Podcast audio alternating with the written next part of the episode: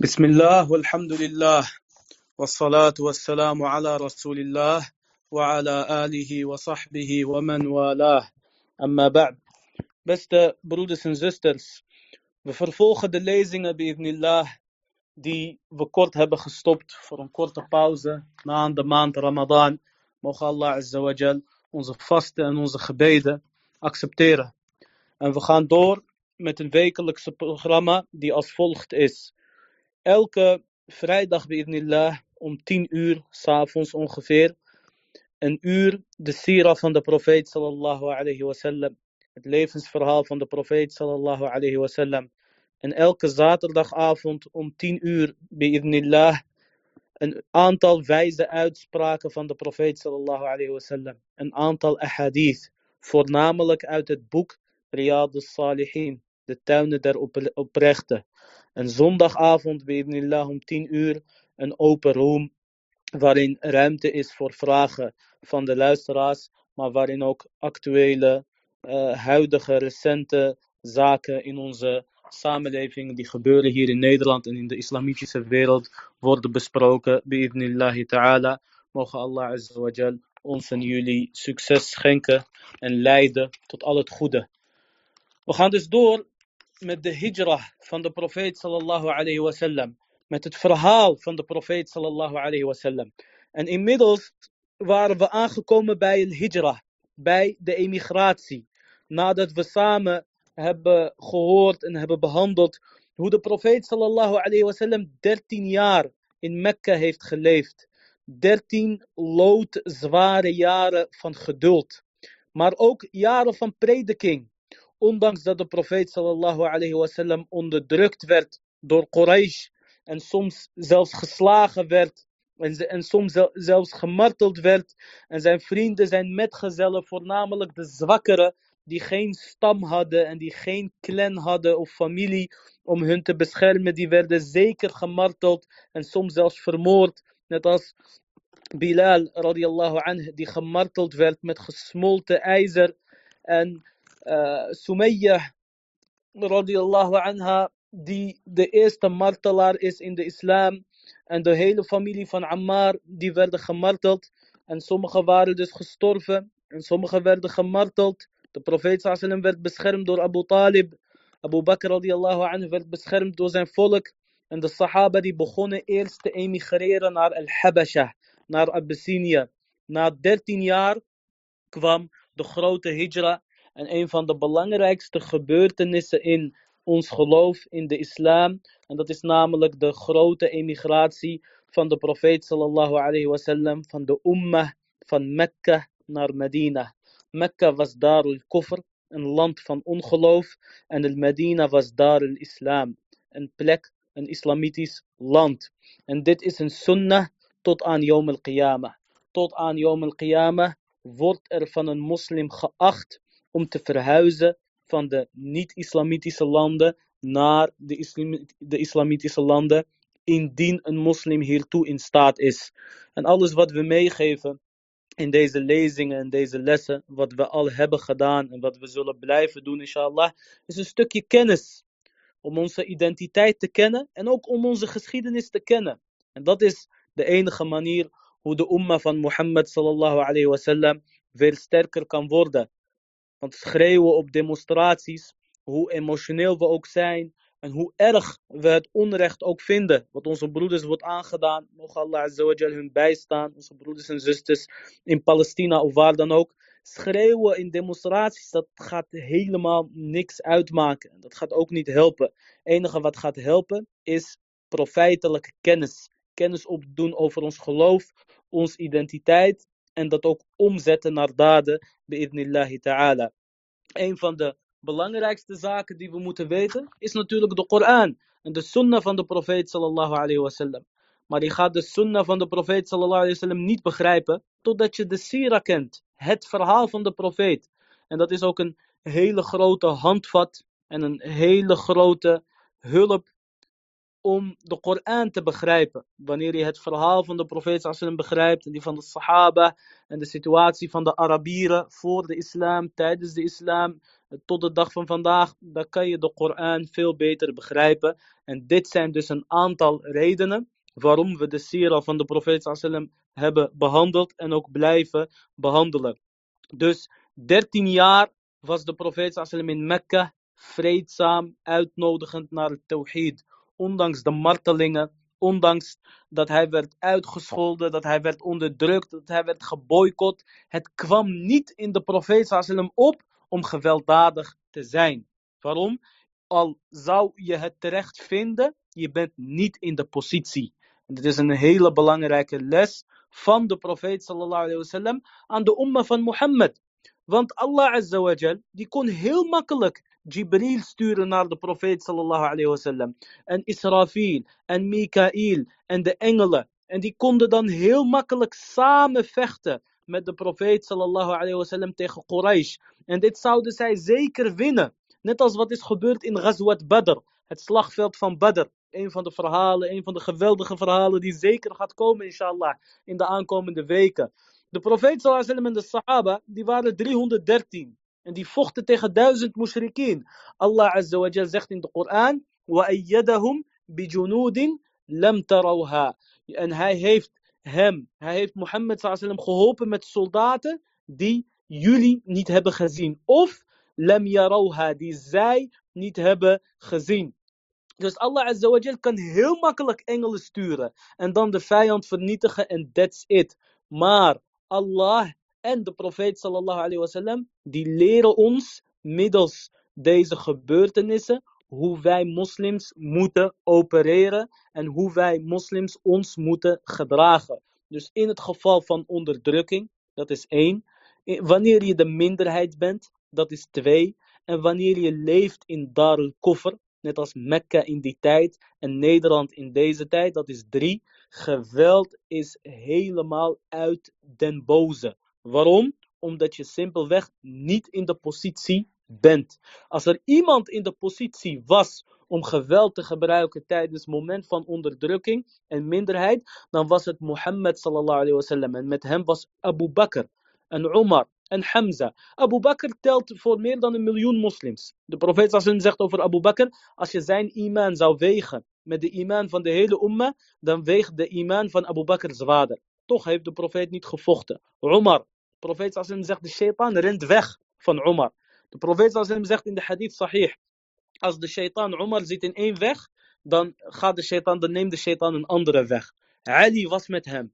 Hamza, Asadullah, de leeuw van Allah, was met hem. Ibn Mas'ud, de profeet sallam zegt over de dunne scheenbenen van Ibn Mas'ud. Die wegen zwaarder bij Allah dan de berg van Uhud. Toch heeft de profeet sallam ervoor gekozen om niet te vechten. Om geen geweld te gebruiken. Waarom? Hij was niet in de positie. En ook wij zijn niet in de positie. Daarnaast, we hebben een groter doel. En dat is het uitnodigen van de mensen naar de waarheid. Althans, dat zou ons doel moeten zijn. Het gaat niet om eigen succes, ego, um, dunya, wereldse rechten of wat dan ook. Het gaat om het woord van Allah en het gaat om Allah Azza wa alleen. Al-Muhim, de profeet sallallahu alayhi wasallam, die bleef zo 13 jaar lang geduld hebben in Medina. Maar wat gebeurde er? Abu Talib, die overleed op, op, op een shirk. Abu Talib, die was overleden op shirk, op ongeloof. En hij was dus degene die de rug dekte van de profeet sallallahu alayhi wasallam. Want voor hem had Quraysh nog respect, omdat hij ook net als hun ongelovig was. En daarna overleed ook wie? Khadija radiyallahu anha. De vrouw van de profeet sallallahu alayhi wasallam. Zijn minister, zijn steun en toeverlaat. En deze jaar wordt door sommige geleerden Amel Huzn genoemd. Het jaar van verdriet. Maar de profeet sallam die bleef dus standvastig uitnodigen naar het geloof. Met name tijdens al-Hajj. Omdat de mushrikeen die kenden ook al-Hajj toen. Waarom? Al-Hajj is iets wat zij hebben geërfd van hun opa Ibrahim alayhi salam. Want al deze Arabieren die hebben een gezamenlijke voorvader. Namelijk Ibrahim alayhi salam. Behalve de Jemenieten. De Jemenieten en Banu Qahtan dat zijn Arabun Ariba. Die zijn van een andere stam. Maar alle Arabieren die wij vandaag de dag kennen in Mekka, et cetera, die stammen dus af van Ibrahim salam en de religie van Ibrahim. Allah zegt, وَاتَّبِعُوا مِلَّةَ إِبْرَاهِيمَ حَنِيفًا En volg de religie van Ibrahim op de tawhid. Die kenden dus een hajj. Arabieren waren dus bekend met een hajj. En zij zouden bijeenkomen tijdens een hajj. Dan zouden zij een hajj verrichten. Ongeveer net als hoe wij vandaag de dag een hajj doen. Het is niet helemaal hetzelfde, maar er waren wel overlappingen. Onder andere tawaf. Arabieren wisten gewoon wat het tawaf betekende. Onder andere uh, naar Arafah gaan. En naar Mina. En naar Muzdalifa. Al deze dingen deden de Arabieren. Wat ze ook deden, is dat van een hajj een ontmoetingsplek werd. Een hajj werd eigenlijk een ontmoetingscentrum van alle stammen. Je had bijvoorbeeld tenten van hele grote dichters. Hele grote dichters die zouden dan hun gedichten voordragen. En dit was zeg maar de volkssport van de Arabieren. Net als hoe mensen vandaag de dag gek zijn op voetbal of uh, andere bepaalde sporten. In die tijd waren ze gek op dichtkunst. Op dichtkunst. En daarom is de Koran een van de uitdagingen van de Koran is ook op het punt van welbespraaktheid. De Koran is zo mooi. De Arabieren zijn uitgedaagd om de Koran na te bootsen. Eén surah, één, uh, tien ayat, één ayah. Maar ze kunnen het niet. Waarom? Omdat ze beseffen en ze erkennen hoe groot en hoe hoog de welbespraaktheid van Allah Azza is. Want de Koran, dat zijn de woorden van Allah en niemand kan deze woorden nadoen. Maar dat komt omdat zij dus verstand van zaken hadden. En mohim. Tijdens deze hajj had je dus tenten van dichters, maar die had ook gewoon volop tijara. Het was ook een, een handelsmoment. Waar het om gaat is dat alle Arabieren, dit was gewoon hun moment waarin alle stammen bij elkaar komen. Op dit moment, op dit soort momenten, zou de profeet sallallahu alayhi wasallam naar de stammen gaan en door de stammen heen lopen en zeggen van wie wil mijn oproep accepteren zodat ik naar Allah kan uitnodigen. Zodat ik tot Allah kan uitnodigen. Want Quraysh die heeft mij ervan weerhouden om tot Allah uit te nodigen. En achter de profeet sallam zou zijn oom Abu Lahab lopen. En die zou zeggen, luister niet naar hem. Dit is de zoon van mijn broer en die is gek. Die is bezeten. De profeet sallam die bleef uitnodigen naar Allah. Heel vaak als de profeet kwam bij een stam, dan zou die stam eigenlijk opstaan en uit elkaar gaan en weggaan. Totdat de profeet sallam kwam bij een stam van Al-Medina. Al-Medina al-Munawwara, wat wij vandaag de dag kennen. Al-Medina al-Nabawiyah, de stad van de profeet sallam, die heette in die tijd Yathrib. Die heette in die tijd Yathrib. En zo wordt het ook genoemd in de Koran. Yathrib. En in Yathrib had je drie Joodse stammen. Je had drie Joodse stammen. Banu Nadir en Banu uh. Dat zijn twee. Banu Nadir en Banu Qaynuqa' en Banu Qurayza. Dit waren drie Joodse stammen. En je had twee Arabische stammen. Al-Aus wal-Khazraj. Al-Aus wal-Khazraj. En oorspronkelijk waren dit Jemenieten. Tussen de Arabieren en de Joden was er heel vaak ruzie. En dan zouden die Joden ook zeggen van wacht maar, binnenkort komt er een profeet en dan gaan we jullie aanpakken. Dan gaan we jullie uitmoorden, dan gaan we jullie vermoorden, net als Aad en Iram. Net als hoe vroeger is gebeurd bij Arabische volkeren die niet hebben geloofd. Aad is het volk van Hoed alayhi salam. Zijn verhaal staat ook nu online en die hebben we samen behandeld. Al-Muhim. Deze twee Arabische stammen, die hoorden dus van de Joodse stammen.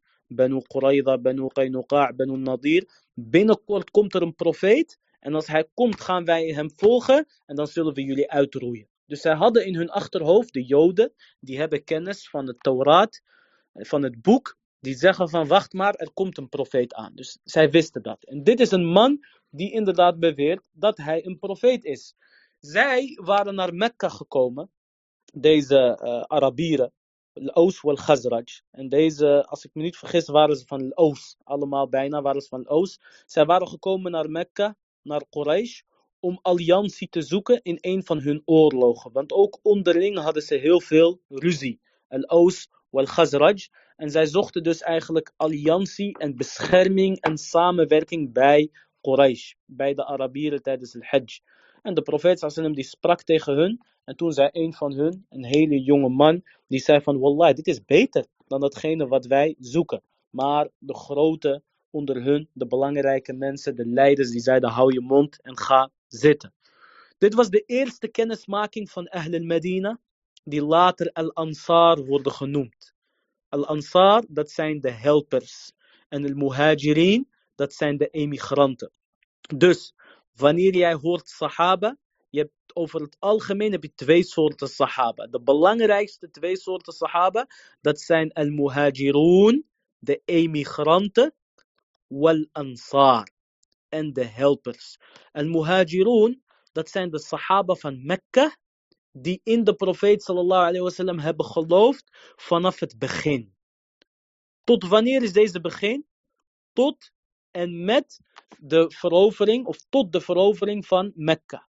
Totdat Mekka is herveroverd aan het einde van eh, het leven van de profeet sallallahu al-Muhajirun. En de beste muhajirin, dat zijn degenen die als eerste moslim waren. Abu Bakr, Umar, Hamza, dat zijn allemaal. Maar ook Bilal, al-Habashi, de donkere Bilal.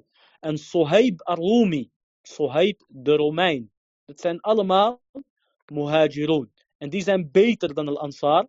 Want de muhajirun, zijn echt de, de, de harde kern van de islam. Degene die vanaf dag 1 moslim waren. En dan heb je al-Ansar. En dat zijn de helpers. Dat zijn deze twee stammen van al-Medina. Al-Aus en al-Khazraj. Waarom worden zij de helpers genoemd? Omdat zij Mohammed sallallahu alayhi wasallam hebben ontvangen. In een heel mooi verhaal dat we dus vanaf nu gaan behandelen. Bi'idnillah. Dus de eerste jaar geloofde een aantal van hun in de profeet sallam en zij gaven hem de eed. En zij bleven da'wa doen in Medina. De profeet sallam stuurde Mus'ab ibn Umair. Mus'ab ibn Umair die werd gestuurd als Koran-docent naar Medina. En binnen een jaar was praktisch iedereen van de Arabieren moslim geworden in Medina. En ze zeiden ook van, dit is de profeet waar de Joden het altijd over hebben. Dit is de profeet waarmee de Joden ons bedreigen. Kom, wij gaan in hem geloven snel voordat de Joden ons voor zijn. En dit was een van de redenen. Dus die, die list eigenlijk van, van, van de Joodse bewoners van Medina. De manier hoe zij hun probeerden te chanteren en te intimideren en te bedreigen. Dat heeft tegen hun gewerkt. Want de moslims hebben juist van deze informatie gebruik gemaakt. Om de profeet te herkennen en om ook moslim te worden. Het kwaad van Quraysh werd steeds erger tegenover de profeet sallam en de sahaba. De profeet sallallahu alayhi wasallam die zei, zoals staat in al-Bukhari, in Sahih al-Bukhari, hij zei tegen de moslims, Qad uritu dara hijratakum. Ik heb een plek gezien en dat wordt jullie land waar jullie naartoe gaan emigreren. Uritu sabghatan dhata nakhlin bayna labatain. De profeet zei, ik heb een dor landschap gezien. Yani het is daar droog, maar er zijn palmbomen en het is tussen labatain. Tussen twee uh, bergen, maar die bergen hebben zwarte rotsen. En sommige geleerden zeggen dat zijn eigenlijk lava rotsen. Al-Muhim, is, het is bekend in Medina, je hebt iets wat heet Al-Harlatain. Je hebt iets wat heet Al-Harlatain. En dat zijn twee grote bergen. En die zijn heel zwart van boven. Die hebben zwarte rotsen. En sommige van onze geleerden die zeggen dus dat heeft, dat is gebeurd omdat er daar een vulkaan is uitgebarst ooit. Dus dit was in Medina. Hoe heeft de profeet in Medina omgeschreven? Als een stad tussen twee bergen. En het is een dor landschap en het is droog, maar er zijn veel palmbomen. En daar staat het Medina bekend om tot de dag van vandaag, dat ze heel veel palmbomen hebben en heel veel dadels. Sterker nog, ze hebben speciale dadels, net als al-ajwa. Net als al-ajwa, die heb je met name in el Medina, ook buiten el Medina, maar al-ajwa van el Medina is speciaal. En daarom heeft de profeet sallallahu alayhi wasallam gezegd, wie ontbijt met zeven ajwa dadels, die wordt op die dag niet geraakt door gif of sihr. Wie ontbijt met zeven ajwa dadels, die wordt op die dag niet geraakt door tovenarij of door gif. Dus elke ochtend zeven ajwa-dadels eten op lege maag. Maar niet elke ajwa-dadels, het moet echt van ajwa al-aliya zijn. En dat is een plek in Medina, ongeveer bij Masjid Quba. Ongeveer bij Masjid Quba. Als je die eet, die heeft een speciale functie en die heeft speciale eigenschappen. Al-Muhim.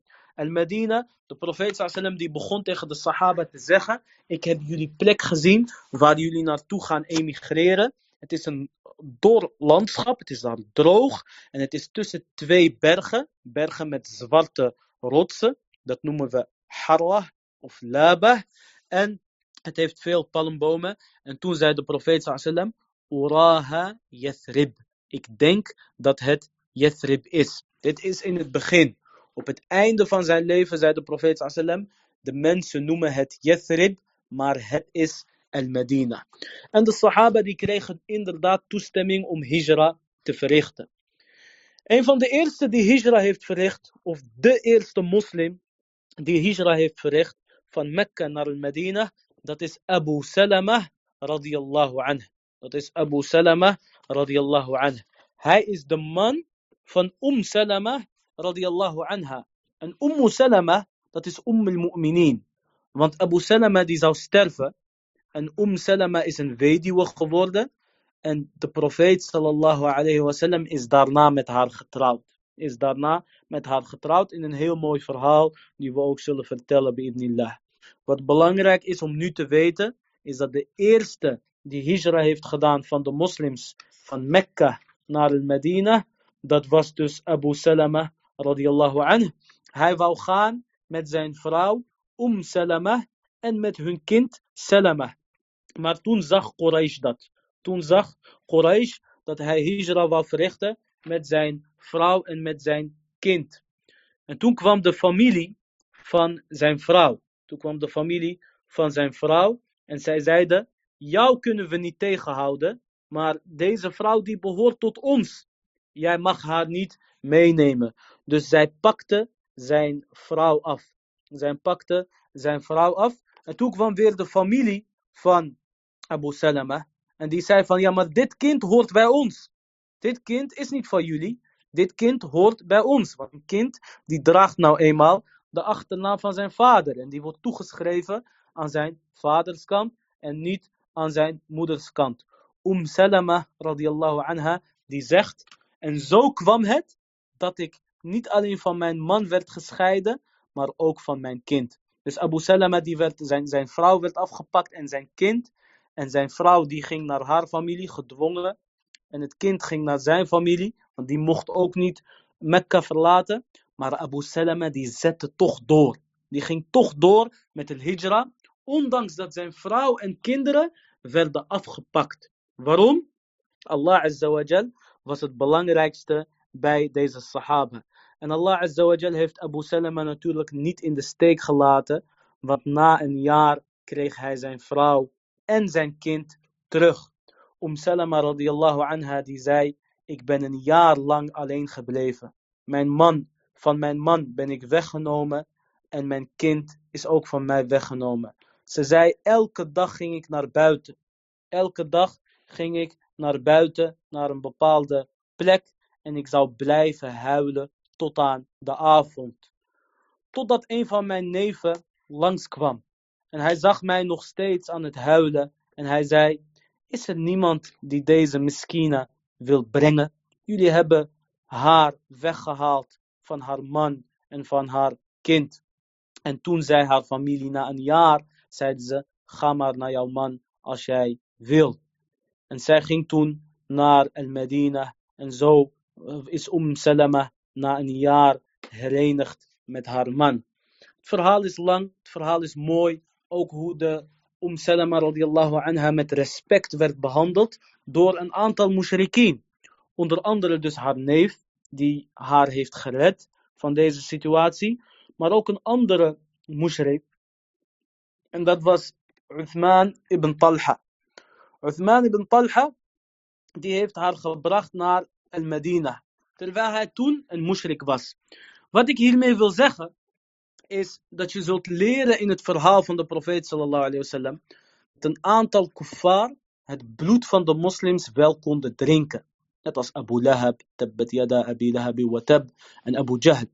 Maar hij had ook een aantal kuffar die vredelievend waren tegenover de moslims. Net als Abu Talib, die heeft de profeet sallam zelfs beschermd. Net als dus de neef van Umm Salama, die haar na een jaar toch zielig vond. Net als Uthman ibn Talha. Maar ook anderen die de profeet sallam hebben gebracht naar Medina, weliswaar tegen betaling. Wat we hieruit leren, barakallahu fikum, is scheer ze niet allemaal over één kam. Elke kafir zit fout. Elke kafir heeft de grootste zonde begaan. Namelijk shirk billah. Namelijk afgoderij. Maar er zit wel verschil in de gradatie van koffer. Sommige die zijn echt haatdragend tegenover de moslims. Maar sommige die zijn vredelievend. Dus probeer daar onderscheid in te maken. En wees ook goed tegenover degenen die vredelievend zijn. Net als hoe de profeet sallallahu alayhi wasallam goed voor hun was. En wanneer jij leeft in een land net als Nederland. Je hebt het niet slecht, laten we eerlijk zijn. Over het algemeen, we hebben het niet slecht. We hebben onze huizen, we hebben onze inkomen, onze salaris, etc. Natuurlijk wordt er een ideologische strijd gevoerd. Natuurlijk worden onze kinderen verpest via een aantal zaken in het onderwijs, etc. En dat, daar moeten we ook tegen staan. Daar moeten we ook een strijd om voeren. Maar er zijn ook 99 dingen die goed gaan. Niet 99 op de 100, maar er zijn meer dan 99 dingen die goed gaan. En ik probeer ook, en die goed, probeer ook deze goede zaken te erkennen. En bedank ook degene die jou hierin steunen. Want de profeet sallallahu alayhi wasallam, zoals we hebben gehad in de voorgaande lessen, die vergat de goedheid niet van de kuffar die hem hadden beschermd. Onder andere al-Mut'im ibn Adi. En de, deze lessen hebben we gehad. Mut'im ibn Adi heeft de profeet sallam beschermd. En de profeet sallam zei bij de gevangenen van Badr, hij zei, als al-Mut'im ibn Adi zou bemiddelen en deze gevangene terug wou, dan had ik die gegeven. Waarom? Al-Mut'im ibn Adi is een van de drie mushrikeen die ervoor had gezorgd dat de boycott tegenover de profeet sallam werd opgeheven. En dit is een goede daad. Maakt dat hem een moslim? Nee, hij blijft nog steeds dezelfde kafir die hij was. Maar is hij net als Abu Lahab of Abu Jahl? Nee. Abu Lahab en Abu Jahl hebben deze boycott tegenover de profeet sallam en Banu Hashim en Banu Muttalib veroorzaakt. Al-Mut'im ibn Adi heeft deze juist opgeheven. En ook toen de profeet sallam terugkwam van het Ta'if, Al-Mut'im ibn Adi heeft de profeet sallam in bescherming genomen. Ibn Daghina. En dat komt zo meteen. Die heeft Abu Bakr radiallahu anhu in bescherming genomen. De profeet sallam was dankbaar tegenover dit soort mushrikeen. Dus ook wij, beste broeder, beste zuster, wij dienen de goedheid te erkennen van degenen die goed zijn geweest. En hoe dan ook, ons doel is het uitnodigen van de mensen naar de waarheid, naar het haq. En dat helpt door jouw goede manieren. Maar wanneer er te veel moslims crimineel bezig zijn of wat dan ook, dan wordt onze oproep tot de islam moeilijk, omdat die kofar dan zeggen van ja, maar als de islam zo mooi is, waarom jullie eigen mensen? En subhanallah, hier had de profeet geen last van. Hier hadden de sahaba geen last van. De profeet sallam had al de beste akhlaaq voordat hij een profeet was. Abu Bakr radiallahu anh, die had al de beste akhlaaq voordat hij een profeet was. Abu Bakr, de profeet sallam en Abu Bakr en Uthman bijvoorbeeld, die hebben nooit alcohol gedronken. Abu Bakr die zegt, ik heb nooit zina gedaan. In de Jahiliya heb ik geen zina gedaan. Laat staan in islam. Al-Muhim.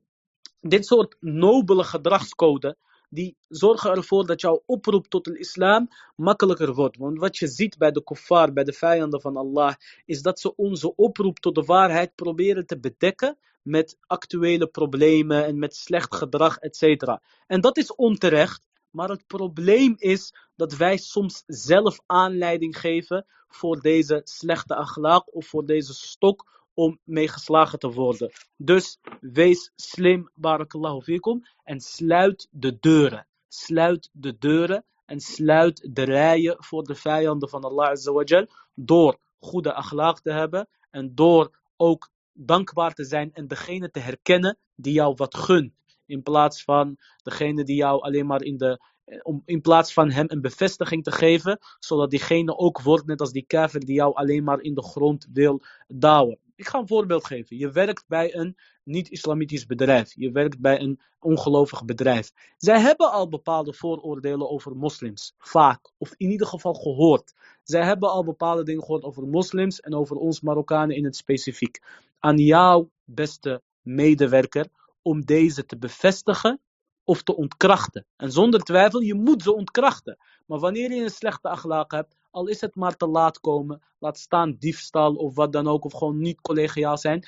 Jij bevestigt datgene wat Hans en Sander en en Sandra en wie dan ook. Jij bevestigt wat zij thuis horen. Jij bevestigt wat zij horen tijdens verjaardagsfeestjes of met vrienden of wat dan ook. Maar juist wanneer jij de beste achlaag hebt en collegiaal bent en dingen doet die jij eigenlijk niet hoeft te doen, dan ontkracht jij al datgene wat zij horen. Dus wanneer iemand in de toekomst zegt, ja ze zijn zo, ze zijn zo, dan zegt diegene nee. Ik heb een collega gehad, ik heb een medewerker gehad bij mij in dienst. Ik heb nog nooit zo iemand gezien. Dit is hoe wij moslims moeten zijn. En zo was de profeet sallam. Vandaar dat Khadija onder de indruk raakte van de profeet sallam en gelijk met hem wou trouwen. En ook dit hebben we al gehad. En Mohim, Abu Salama die verrichtte dus hijra naar al-Medina. En Umm Salama die mocht hem volgen na een jaar.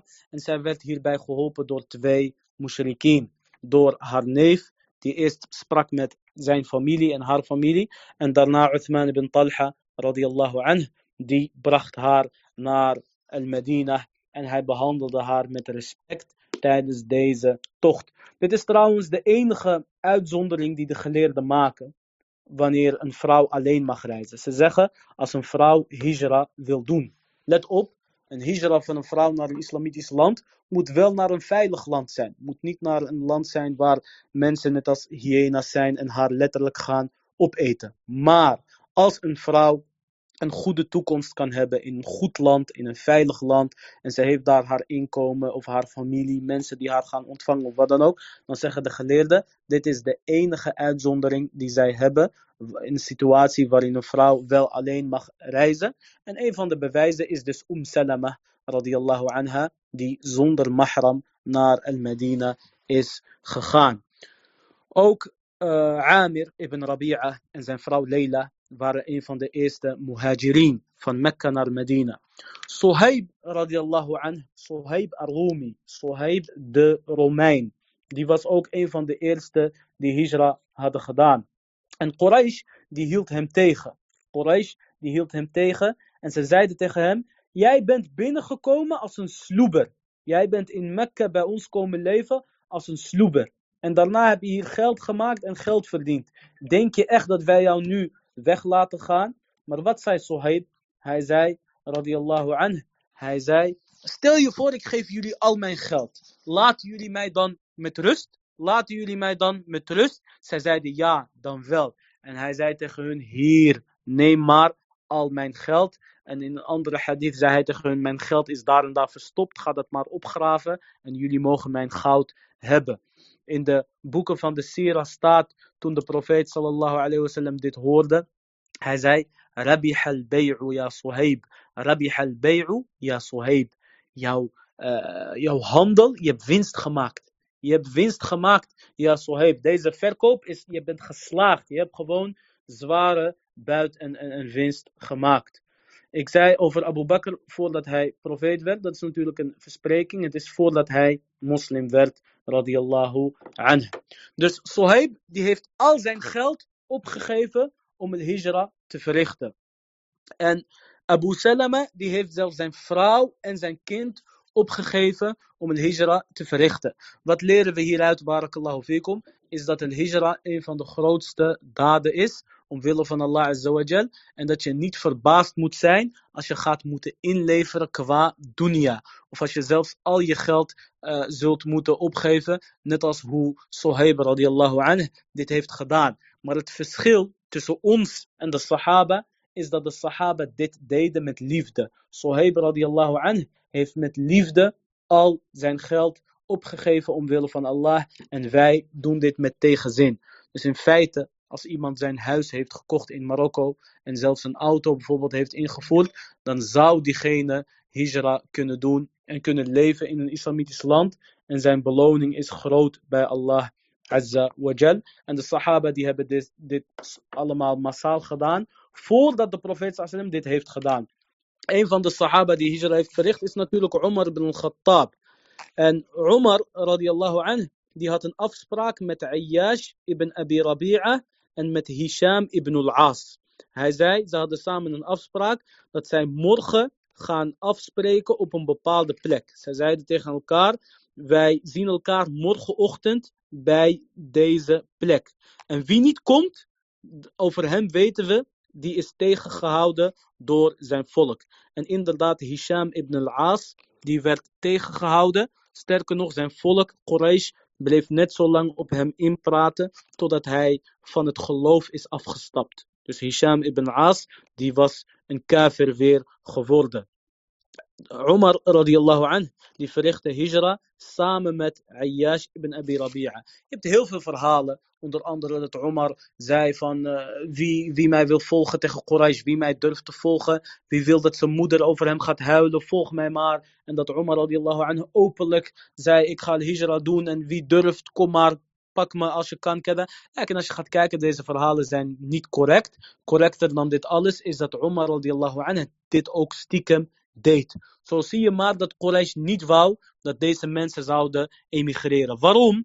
Omdat Quraysh als geen ander besefte in het Medina hebben de moslims hun eigen staat, hun eigen economie. En dan kunnen zij iets opbouwen en op termijn terugvechten. En dit is ook iets wat de kuffar niet willen tot de dag van vandaag. Zij willen niet dat wij moslims onze eigen onafhankelijke staten hebben. Klopt, we hebben islamitische landen. Maar we zijn niet onafhankelijk of we worden zo afhankelijk mogelijk gemaakt en we worden ook gesplitst en tegen elkaar opgezet. Kijk bijvoorbeeld Marokko en Algerije. Wij zijn één volk. Wij zijn broeders. Er is geen enkel verschil tussen ons. Zelfs niet qua afkomst. Laat staan qua religie. Religie, alhamdulillah, Marokkaan, Turk, Indonesisch, wat dan ook. We zijn hetzelfde. Ook Saudi-Arabië, uh, de Emiraten, Qatar, Kuwait, etc. Het is allemaal één volk.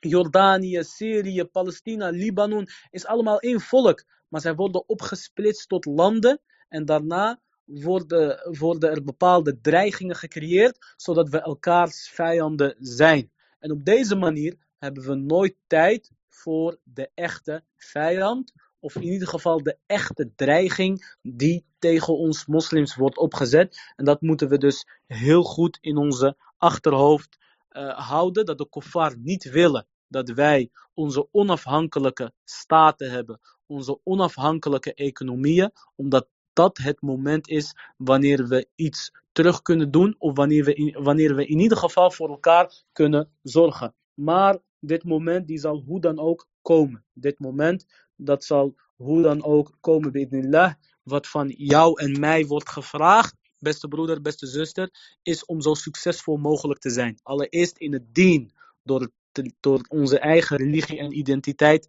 te leren, maar ook om, om door gewoon uh, succesvol te zijn in de maatschappij. Zoveel mogelijk kennis op te doen, zoveel mogelijk te studeren, maar ook gewoon om je te mengen in, in de maatschappij. Door een ondernemer te zijn of door ondernemend te zijn en door kapitaal te verdienen en uit te geven omwille van Allah. Doe dat lekker zelf. Hoeft niet via een stichting of wat dan ook. Wees zelf de beste voorbeeld voor de gemeenschap en zo ben jij een goede ambassadeur voor de islam. Umar radiallahu anhu die verrichtte dus een hijra met Ayyash ibn Abi Rabi'a. Toen Ayyash ibn Abi Rabi'a aankwam in Medina, Hisham hadden ze dus tegengehouden. En die was dus een kafir ook weer geworden. Ayyash ibn Abi Rabi'a die werd gevolgd door Abu Jahl, la'anahullah, en door een andere man genaamd Al-Harith ibn Hisham. En zij kwamen naar hem toe en zij zeiden, luister, jouw moeder is verdrietig en zij heeft gezworen, ik ga mijn haren niet kammen.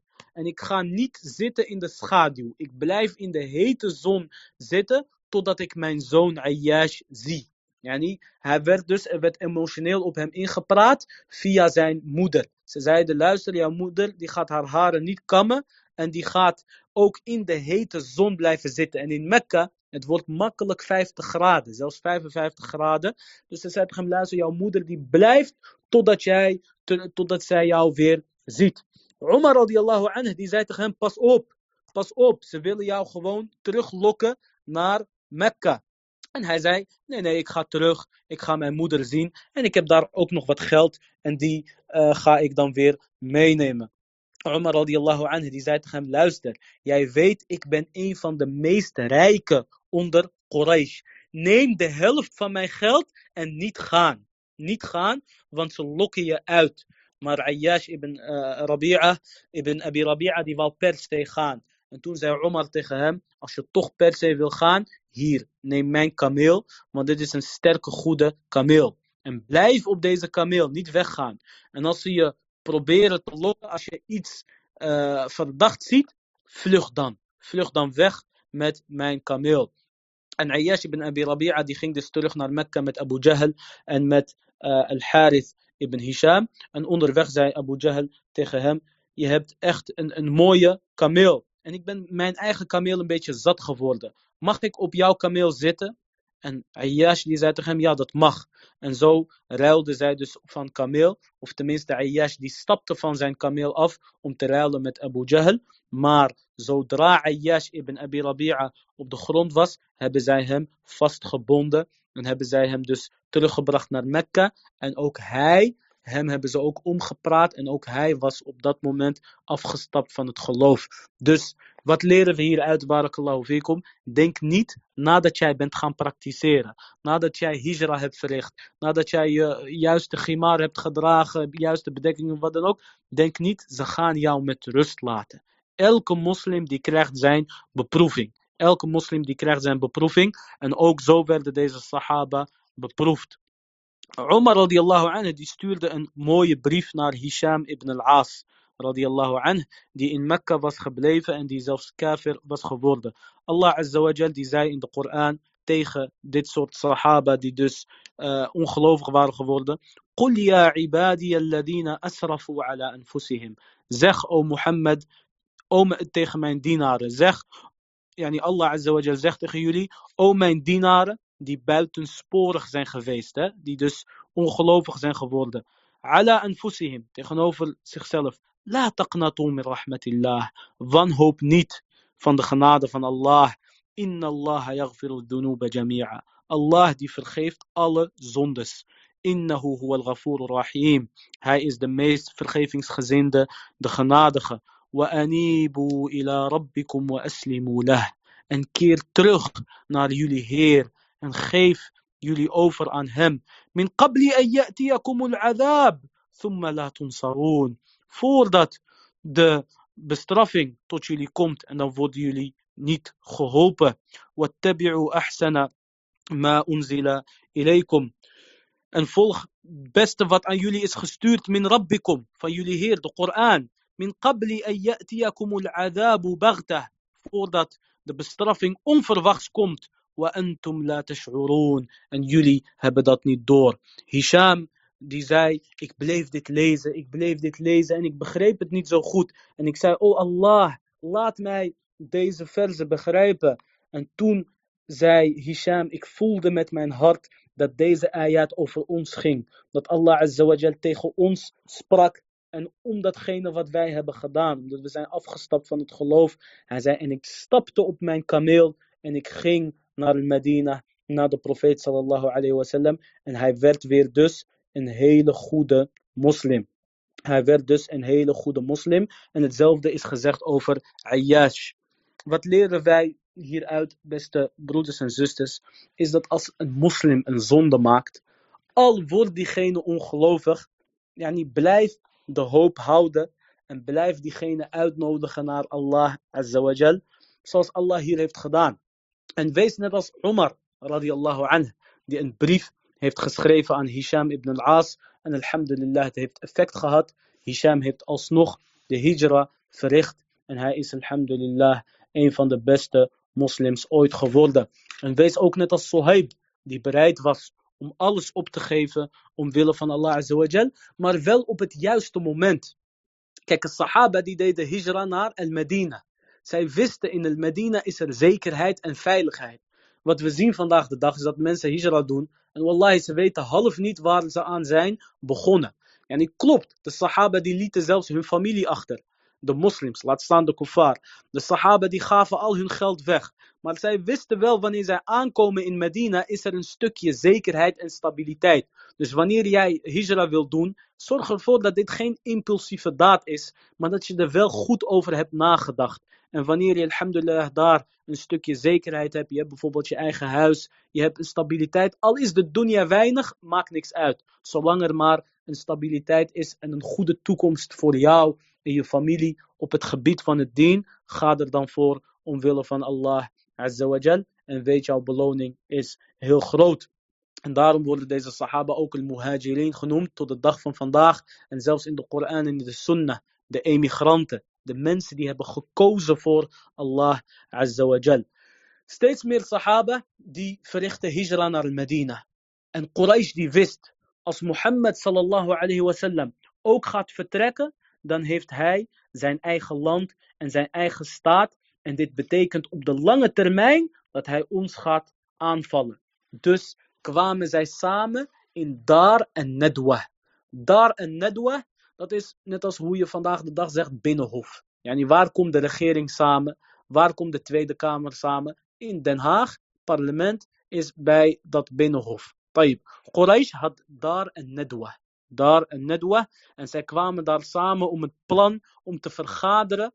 Welke plan gaan zij bedenken tegenover Mohammed sallallahu alayhi wasallam. En deze vergadering was zo ziek, deze vergadering was zo belangrijk, dat zelfs Iblis, shaitan, la'anahullah, die was aanwezig in de gedaante van een man. In de hadith staat dat Jibril, la'anahullah, zoals onder andere Ibn Ishaq overlevert in zijn sirah, hij, Ibn Ishaq zegt, uh, Iblis is gekomen in de gedaante van een man van Thaqif. Een man van Thaqif, van een Arabische bekende stam. Waarom? Om aan Quraysh te laten zien van ik ben hier en ik zal jullie rugdekking geven tegen Mohammed, maar ook tegen Yathrib, ook tegen Ahl medina die inmiddels zijn geëmigreerd en een staat aan het oprichten zijn. Deze Iblis, la'anahullah, die wou dus binnenkomen. En ze zeiden tegen hem, wie ben jij? Wie ben jij? Hij zei, ik ben een Arabier van Thaqif en ik heb gehoord dat jullie bij elkaar nu komen vergaderen over Mohammed, over deze man die jullie uit elkaar wil halen en die jullie heeft opgesplitst en jullie schande heeft gegeven. Ik ben gekomen om samen met jullie mee te luisteren en jullie te helpen en mijn mening te geven. En zij zeiden tegen hem, welkom. Quraysh die had dus een vergadering. En zij zeiden van, wat gaan wij doen met Mohammed? Want jullie zien dat hij steeds meer aan het groeien is. De ene die zei, we jagen hem weg uit ons land. Abu Jahl die zei, nee, dat gaat niet helpen. En in een andere riwaya staat dat zelfs de shaitan zei, het heeft geen zin als jullie hem verbannen, want jullie zien dat hij mensen goed kan ompraten. En subhanallah, dit wordt gezegd over elke prediker tot de waarheid vandaag de dag. Zegt ze, ja, die kan goed praten. Die kan mensen voor de gek houden en die kan mensen ompraten. De woorden van de waarheid, die hebben nou eenmaal zoetigheid. En op de waarheid zit licht. Wat van ons wordt gevraagd, is om te onderzoeken wat die spreker zegt, wat die prediker zegt. Is dit waar of niet? Is dit qal Allah, qal Rasul, wat de grote geleerden zeggen of niet? Zo ja, laat diegene op zijn minst met rust. Sterker nog, er wordt van ons gevraagd om diegene te steunen omwille van Allah Azawajal. Zo nee, weerleg dan de valsheid die hij zegt. Maar ga niet zeggen van hij kan goed spreken en hij houdt de mensen van de gek, voor de gek. Want dat zei de Quraysh en dat zei Iblis zelfs over Mohammed sallallahu alayhi wasallam. En zij bedachten dus een aantal plannen. Elke keer zegt Iblis, nee dit heeft geen zin. Dit, dit gaat niet werken. Totdat Abu Jahl la'anahullah, zei: Ik heb een plan.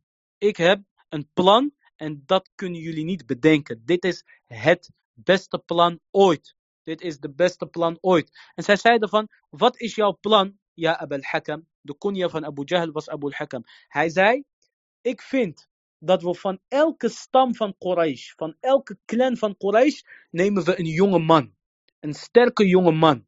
En we geven ieder van hun iedereen van die jonge mannen van Quraysh geven we een zwaard. En dan laten we hun samen Mohammed vermoorden. samen moeten zij allemaal Mohammed één keer slaan met hun zwaard. En dan zijn we van hem af. En dan, als, als Banu Abdul Muttalib, als, als Banu Hashim, zegt wie heeft Mohammed vermoord, dan zeggen wij, wij allemaal. Alle stammen hebben Mohammed vermoord. Yani van die jongens, die jonge mannen, elke man behoort tot een stam. En Abu Jahl, die zei, Banu Hashim kan onmogelijk vechten tegen heel Quraysh. Dat winnen ze niet. Ze kunnen wel vechten tegen één clan of één familie, maar niet tegen heel Quraysh. En als zij zien dat heel Quraysh heeft meegedaan, elke clan, elke familie, elke stam heeft meegedaan in het moorden, in het vermoorden van Mohammed, dan zullen zij de bloedgeld accepteren, het dia. Bloedgeld in die tijd was 100 kamelen. Dat is een aantal ton in euro's minimaal tot de dag van vandaag. En dat was bloedgeld die zij betaalden als schadevergoeding na een moord. Als de familie dat accepteert. En Abu Jahl die zegt, Banu Hashim moeten dat wel accepteren, omdat wij allemaal samen dan Mohammed sallallahu alayhi wasallam hebben vermoord.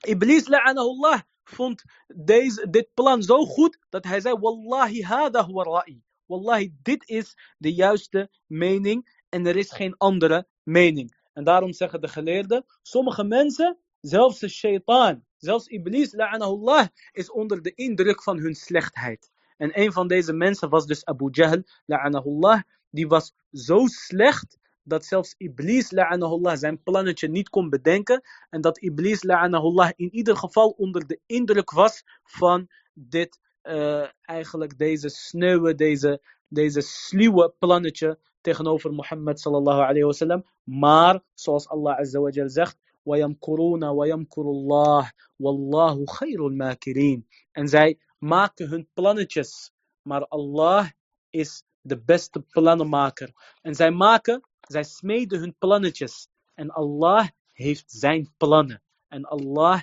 is de beste plannenmaker. Kijk, het hebben van trucjes en het hebben van een plan is eigenlijk niet iets goeds.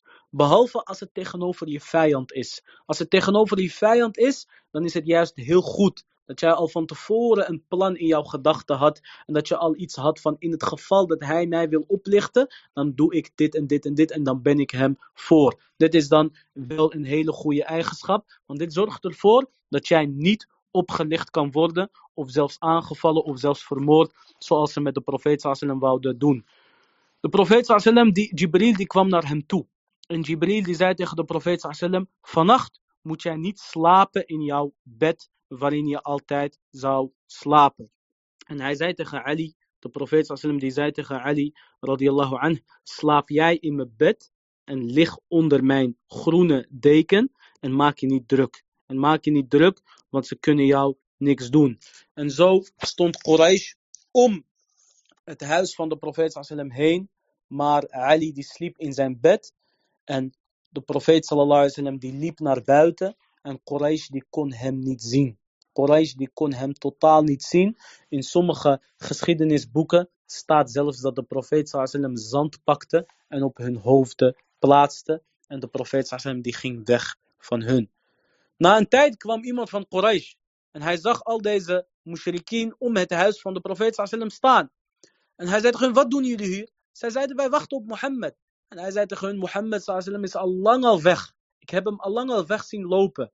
En wat is dit op jullie hoofden? En zij voelden op hun hoofden en zij zagen uh, zand. Zij voelden zand op hun hoofden. En zij stormden het huis van de profeet sallam binnen. En zij trokken de deken. En wie zagen zij? Ali anhu. En zij zeiden tegen hem, waar is Mohammed? En hij zei, dat weet ik niet. De profeet sallam was ondertussen gegaan naar Abu Bakr.